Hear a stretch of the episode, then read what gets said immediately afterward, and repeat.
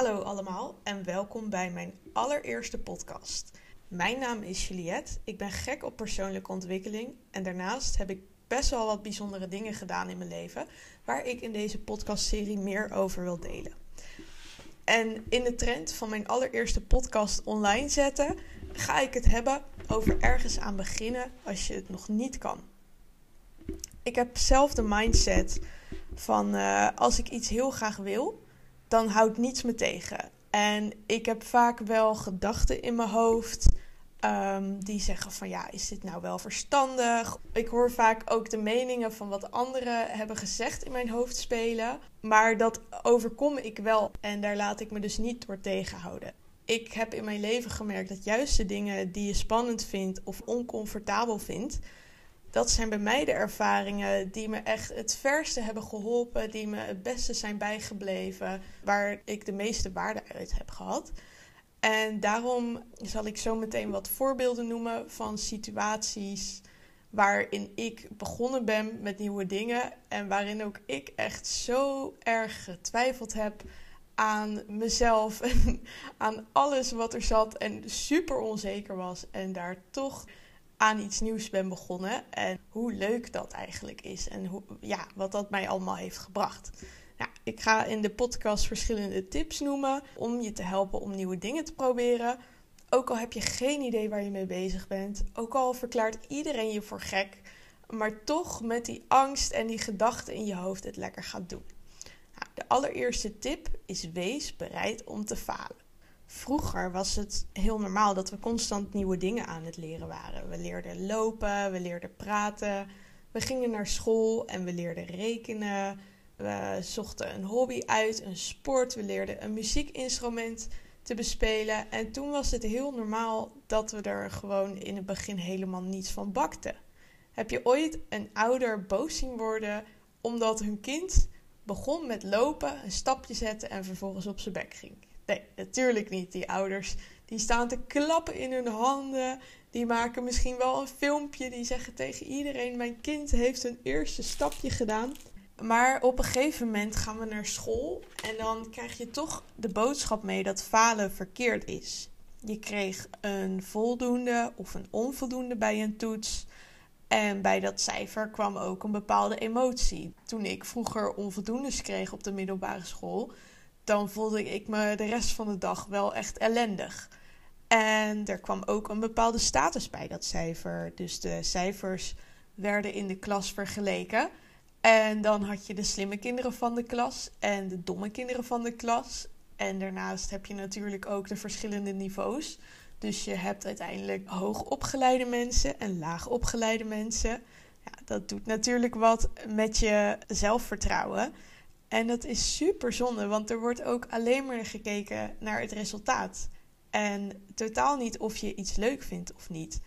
En dat speelt uiteindelijk ook een hele belangrijke rol. Misschien nog wel meer dan of je iets wel of niet goed kan, is belangrijker of je iets heel leuk vindt. Maar ja, op het moment dat jij iets leuk vindt en je krijgt te horen van, ja, je kan dit helemaal niet. Um, en de rest van de klas die kan dit wel, dus jij, uh, ja, stop, stop er maar mee.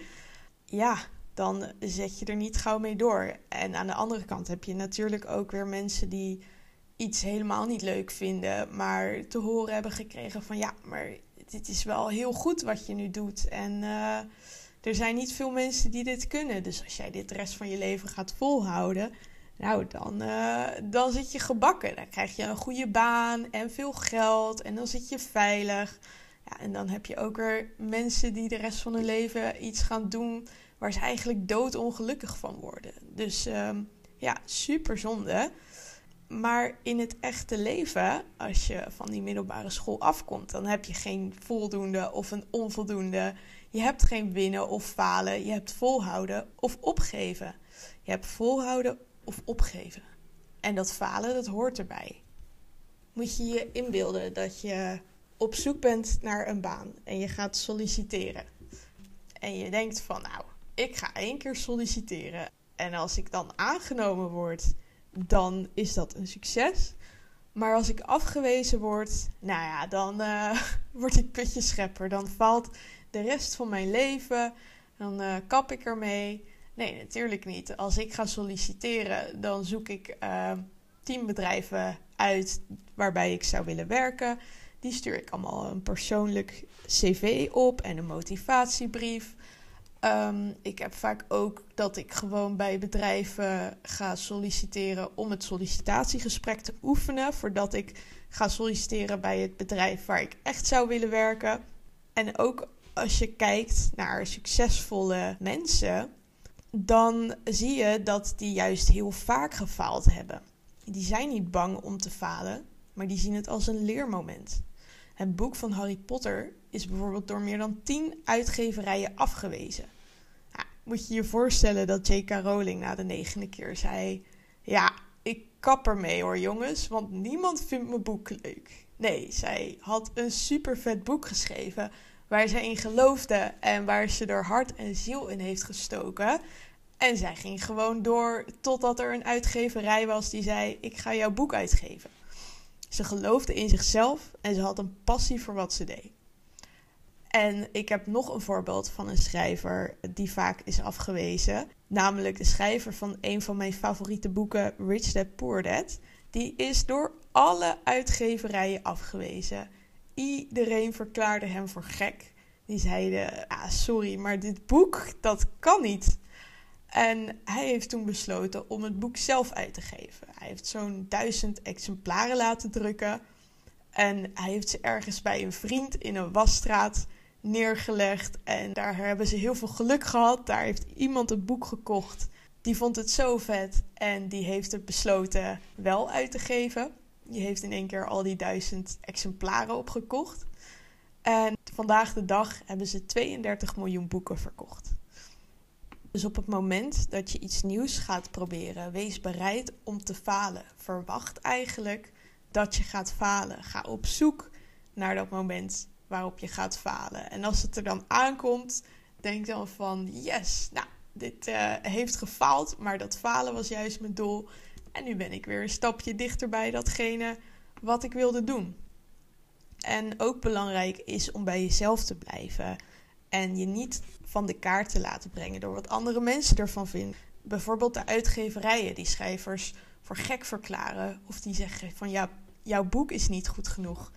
Kijk, sommige mensen vinden bepaalde dingen prachtig, terwijl anderen het verschrikkelijk vinden.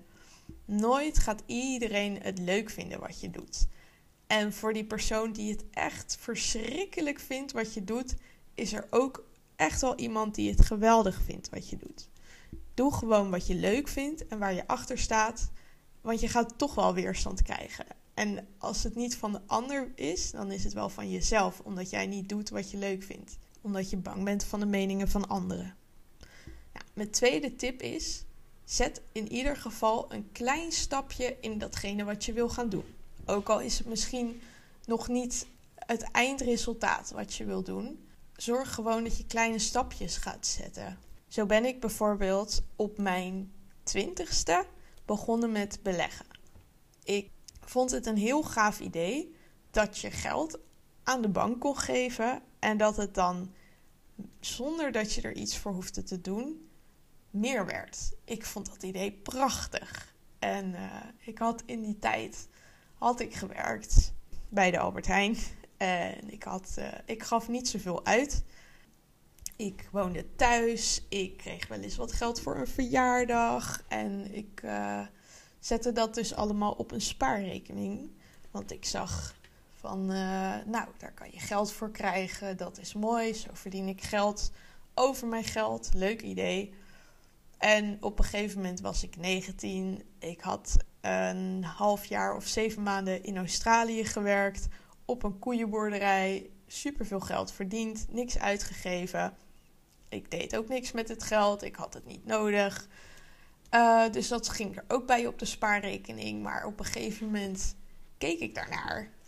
En ja, daar verdiende ik eigenlijk bijna geen geld mee. Ik geloof dat ik over elke 1000 euro misschien 50 cent per jaar uh, verdiende. Dus dat schoot niet echt op.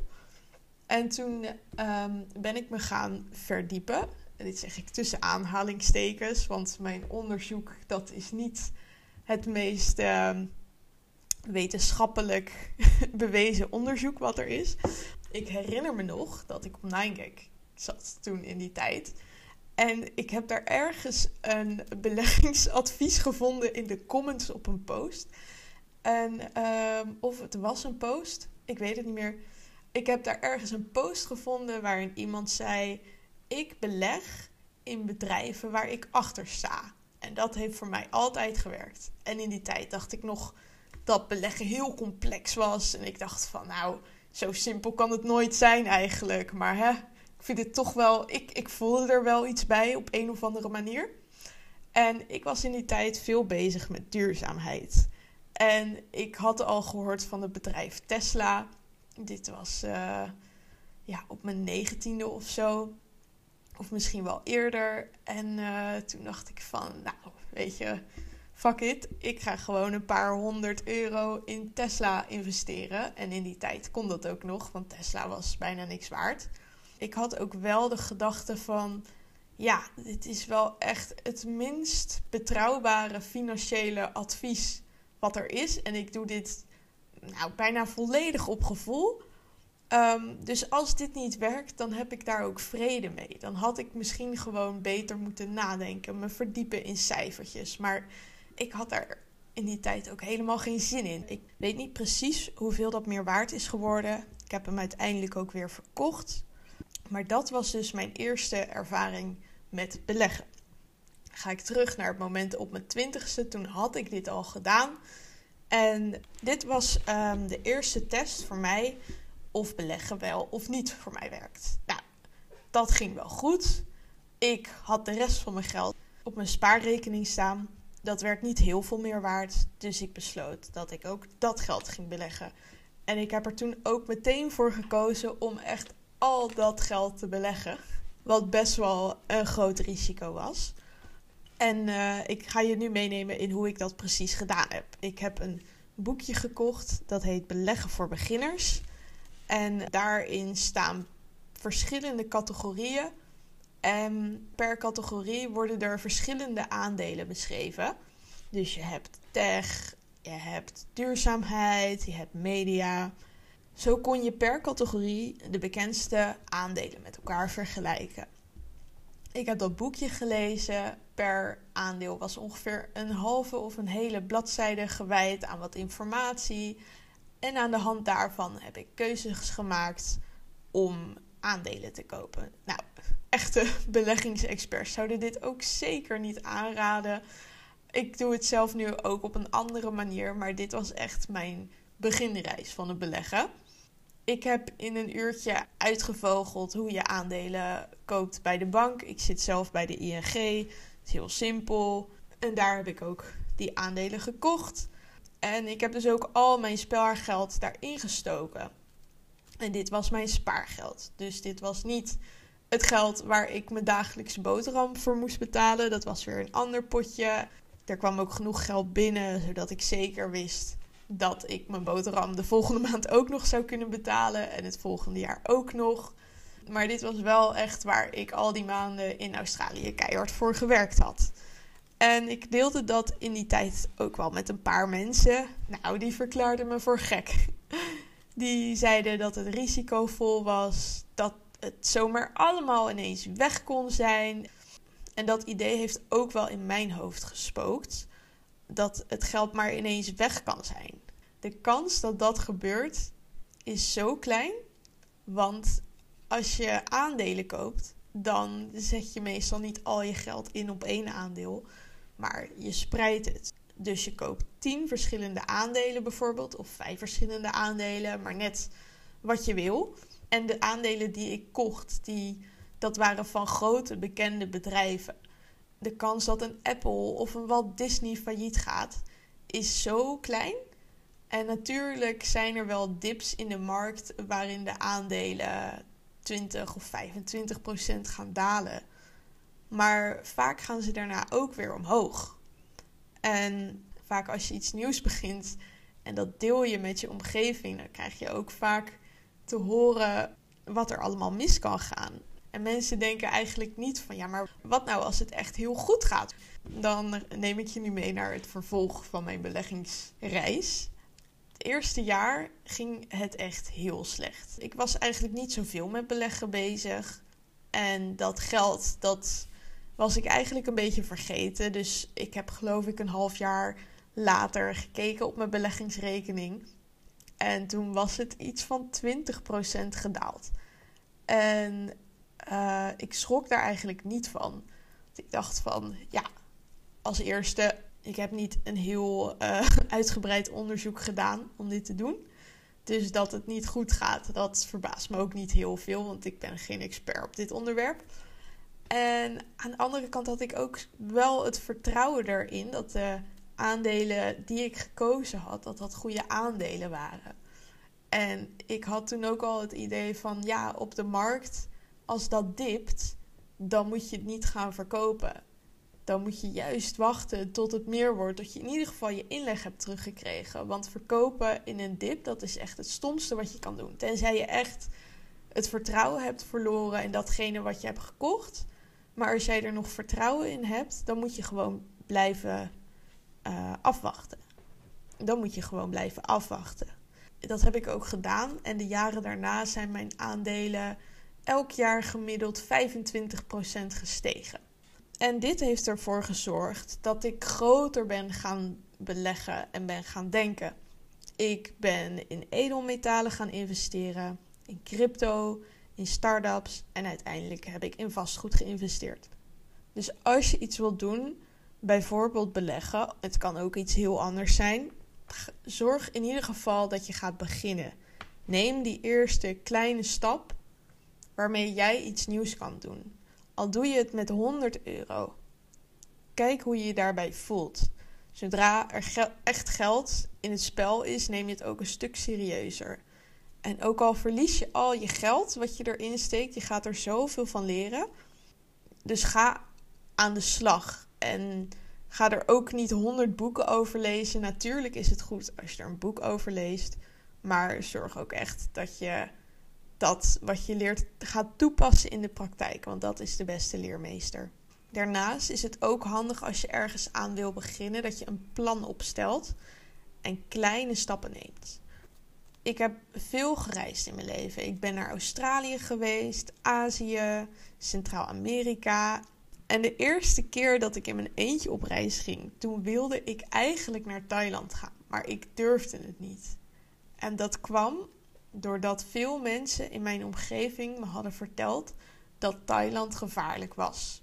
En vooral omdat ik een meisje was, ik was in mijn eentje op reis, ik deed het voor de allereerste keer. En toen ben ik niet op mijn gevoel afgegaan, maar op mijn verstand afgegaan. En ik dacht van nou, het is de eerste keer, dan is het wel handig om naar Australië te gaan. Uh, daar spreken ze Engels, dat zal wel veilig zijn. Ik had ook een organisatie gevonden die reizen organiseerde naar Australië, die helemaal konden helpen met je eerste week van A tot Z.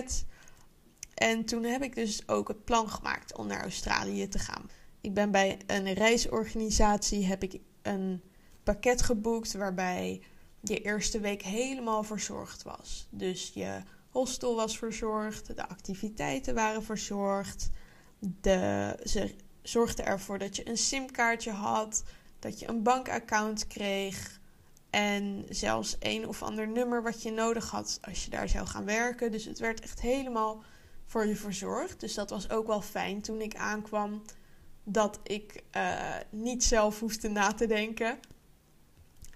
Um, ik was er zelf nooit op gekomen om een bankaccount in een vreemd land aan te maken. Um, ik heb ook, ze hebben ook mijn visum geregeld. En ik heb zelf een busticket gekocht voor een hop-on, hop-off bus. Dat is een bus die bracht me van rechtsonder in Australië naar rechtsboven in Australië. Maar dan kon je zelf kiezen wanneer je erop en eraf stapte. En dan betaalde je daar een bepaalde prijs voor. En die ging van Sydney naar Cairns. Um, en daar zaten ook nog een paar tours bij. Dus er was al best wel veel geregeld. Al helemaal voor mij, want ik ben zelf totaal niet van het plannen. Zo heb ik eigenlijk gekozen voor een kleine stap van naar Australië gaan. Terwijl mijn grote stap was echt naar Thailand gaan, naar een land waar alles anders is, zonder plan, uh, gewoon gaan. Maar ja, daar was ik in die tijd nog echt niet aan toe. Dus voor mij werkte het beter om dan maar een wat veiliger land te kiezen en om een plan op te stellen. Om in ieder geval de smaak te proeven van dat reizen en dan wel te kijken hoe dat zou gaan. Nou, mijn vierde tip komt ook bij deze reis. En dat betekent dat wanneer het niet meteen goed gaat, dat je het niet moet opgeven. En ik heb daar ook echt geleerd dat wanneer iets niet goed gaat de eerste keer, dat je niet meteen moet opgeven. En dat je ook niet moet verwachten dat de weg zonder obstakels gaat. Ik had echt een prachtig beeld in mijn hoofd bij reizen. Ik zag mezelf in hostels, op feestjes, op het strand als een soort hippie leven. Ik zag mezelf allemaal nieuwe vrienden maken en spannende dingen doen en verliefd worden en nooit meer naar huis gaan. Ik had een soort droom in mijn hoofd. En ik kwam aan in Sydney en ik had 36 uur gereisd. En het voelde alsof ik in Lelystad was aangekomen. Alle gebouwen waren grijs, alles was nieuw. De mensen spraken Engels met een beetje een gek accent. Ik was niet heel enthousiast over Sydney. Ik was moe, ik had een jetlag. Ik ging naar mijn kamer en daar was helemaal niemand. Ehm, ik liep een rondje door de stad, vond het eigenlijk allemaal best wel lelijk en tegenvallen.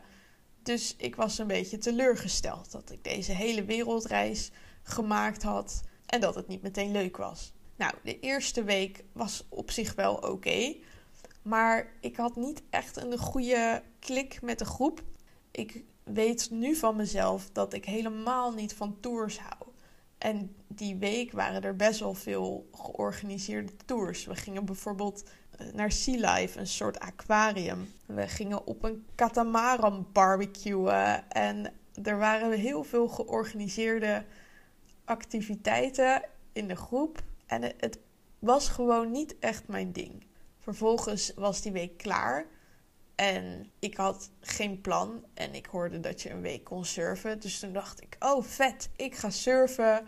Ik zag het al helemaal voor me. Ik op de zee, in de zon. Met blonde haren en een beachlife. Ik dacht dat het altijd warm was in Australië. Maar het kan daar ook behoorlijk koud worden. En ik was daar in de winter heen gegaan. Dus we kwamen in de slechtste week terecht met surfkamp. Het heeft alleen maar geregend.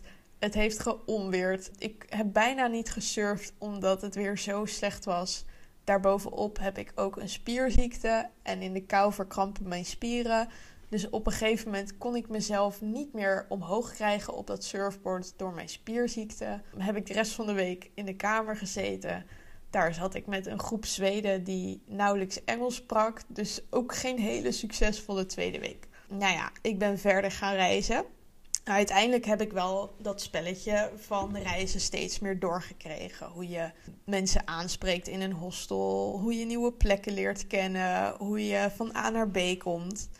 Ehm, dus uiteindelijk heb ik een prachtig jaar gehad. Ik heb superleuke dingen meegemaakt. Maar ik heb ook echt wel mindere momenten gehad. Waarop ik me eenzaam voelde. Ehm, waarop Nederland wel heel ver weg was. Ik heb ook echt op het punt gestaan om naar huis te gaan. En dat uiteindelijk niet gedaan. En na dat ene jaar zat toch nog steeds het idee van Thailand in mijn hoofd. Ik had een paar moederlijke vriendinnen thuis die zich soms ook zorgen maakten om mij. En dat is ook heel logisch, want vaak komen alleen de slechte verhalen van een land naar buiten. En hoewel ik al die goed bedoelde adviezen kreeg om op mezelf te passen en om geen domme dingen te doen, ben ik toch naar Thailand gegaan. Ik heb er niet te veel over nagedacht. Ik heb gewoon een vliegticket geboekt. Ik had het reizen een beetje onder de knie. Ik had geen plan. Ik heb, geloof ik, de dag van tevoren een hostel geboekt voor de eerste nacht als ik daar aan zou komen. En dat was het. Mijn huisgenoot die vond me helemaal gek toen ze dat hoorde. Maar ik heb ook wel tijdens het reizen geleerd dat je juist niet te veel plannen moet maken. Want elke keer als ik plannen maakte, als ik bijvoorbeeld, als ik bijvoorbeeld een week vooruit boekte, kwam ik ineens superleuke mensen tegen met een vet plan. En dan wou ik eigenlijk met hun mee. En dan zat ik zelf weer vast aan die week die ik geboekt had. Of wanneer ik een hostel online boekte om daar een paar dagen te blijven. Want dan zou ik een korting krijgen. En dan kwam ik daar aan. Dan bleek het een verschrikkelijk hostel te zijn. Dan wilde ik er eigenlijk meteen weg. Ik heb ook al echt tijdens dat reizen geleerd. Maak geen plan. Het komt goed. En laat het gewoon allemaal over je heen komen. Kijk in het moment wat je wil doen en waar je heen wil gaan. Dus ja, zo naar Thailand gegaan. En die twee weken Thailand waren echt de twee beste weken van dat hele jaar reizen. Het is het land van curry's, smoothies voor ontbijt, lunch, massages, leuke souvenirs, gekke dingen doen. Het zou zo jammer zijn geweest als die angsten mij tegengehouden hadden om naar Thailand te gaan. Ik had echt natuurlijk wel die gedachte in mijn hoofd toen ik dat ticket geboekt had. Van ja, waar ben ik nou eigenlijk mee bezig en moet ik dit nou eigenlijk wel doen? Maar toen had ik het ticket al geboekt, dus ik kon niet meer terug. Ehm, en juist waar het oncomfortabel is, zitten je beste ervaringen. Ook terugkijkend op het hele jaar heb ik de beste herinneringen aan de momenten waarop ik de grootste risico's nam. Ik ben bijvoorbeeld gaan liften, ik ben naar Thailand gegaan, ik ben naar de andere kant van het land gevlogen om werk te zoeken. En dat zijn de leukste momenten, maar ook de momenten die me verder hebben geholpen in het leven. Ook ben ik al twee jaar bezig om te treden. Omdat ik er nog niet genoeg tijd in heb gestoken, ben ik nog steeds niet winstgevend. Ik weet ook zeker als ik dit vaak genoeg ga oefenen, krijg ik dit vanzelf onder de knie. En het doel is ook om het komende jaar drie uur per week te treden en over een jaar te evalueren wat mijn groei is geweest. En ik merk vaak als ik dit vertel aan mensen in mijn omgeving dat er vragen komen van en hoe lang ben je er al mee bezig? En gaat het een beetje goed met het treden? En dan ervaar ik toch een soort druk van ja, moet ik me nou bewijzen dat dat treden werkt? Ik zie dat het bij andere mensen werkt die er keihard aan gewerkt hebben. Ja, bij mij werkt het nog niet, maar hoe lang ben ik er nou eigenlijk mee bezig? En het kan soms jaren duren voordat we resultaat zien. Maar soms geven we toch meteen op als er niet wat gebeurt. En dat, dus wees ook mild naar jezelf. En wees ook mild naar je omgeving. Als je ziet dat iemand ergens mee begonnen is, zeg dan van wat leuk dat je dat doet. En het gaat om al die kleine stapjes die je naar een doel toeneemt. En hoe je daarin groeit. En of je je doel uiteindelijk wel of niet haalt, dat maakt helemaal niet uit. Misschien wordt er bij mij ook wel helemaal niks met het treden en daar heb ik helemaal vrede mee. Maar ik weet zeker dat het wel dat het een leerzame weg voor mij zal zijn. Misschien door dit vol te houden ga ik nog hele leuke mensen leren kennen of ga ik veel over mezelf leren. Wat ik ook vaak doe als ik aan iets nieuws begin, is om het nog even voor mezelf te houden. Totdat ik echt dat vertrouwen heb opgedaan dat dit iets voor mij is en waar ik door mee wil gaan. En waarom ik dat doe, dat klinkt misschien heel egoïstisch, maar ik merk vaak dat de plannen die ik heb, dat daar heel veel weerstand in mijn omgeving mee is. En dat ik dan adviezen van andere mensen krijg te horen over mijn plannen. En ik krijg dan vooral de dingen te horen die verkeerd kunnen gaan. Ik heb zelf natuurlijk al vaak twijfels over datgene waar ik aan begin. En als je dan nog van je omgeving vooral de slechte verhalen hoort en eigenlijk weinig goede verhalen, kan dat ervoor zorgen dat je misschien helemaal niet begint met datgene wat je eigenlijk wil doen.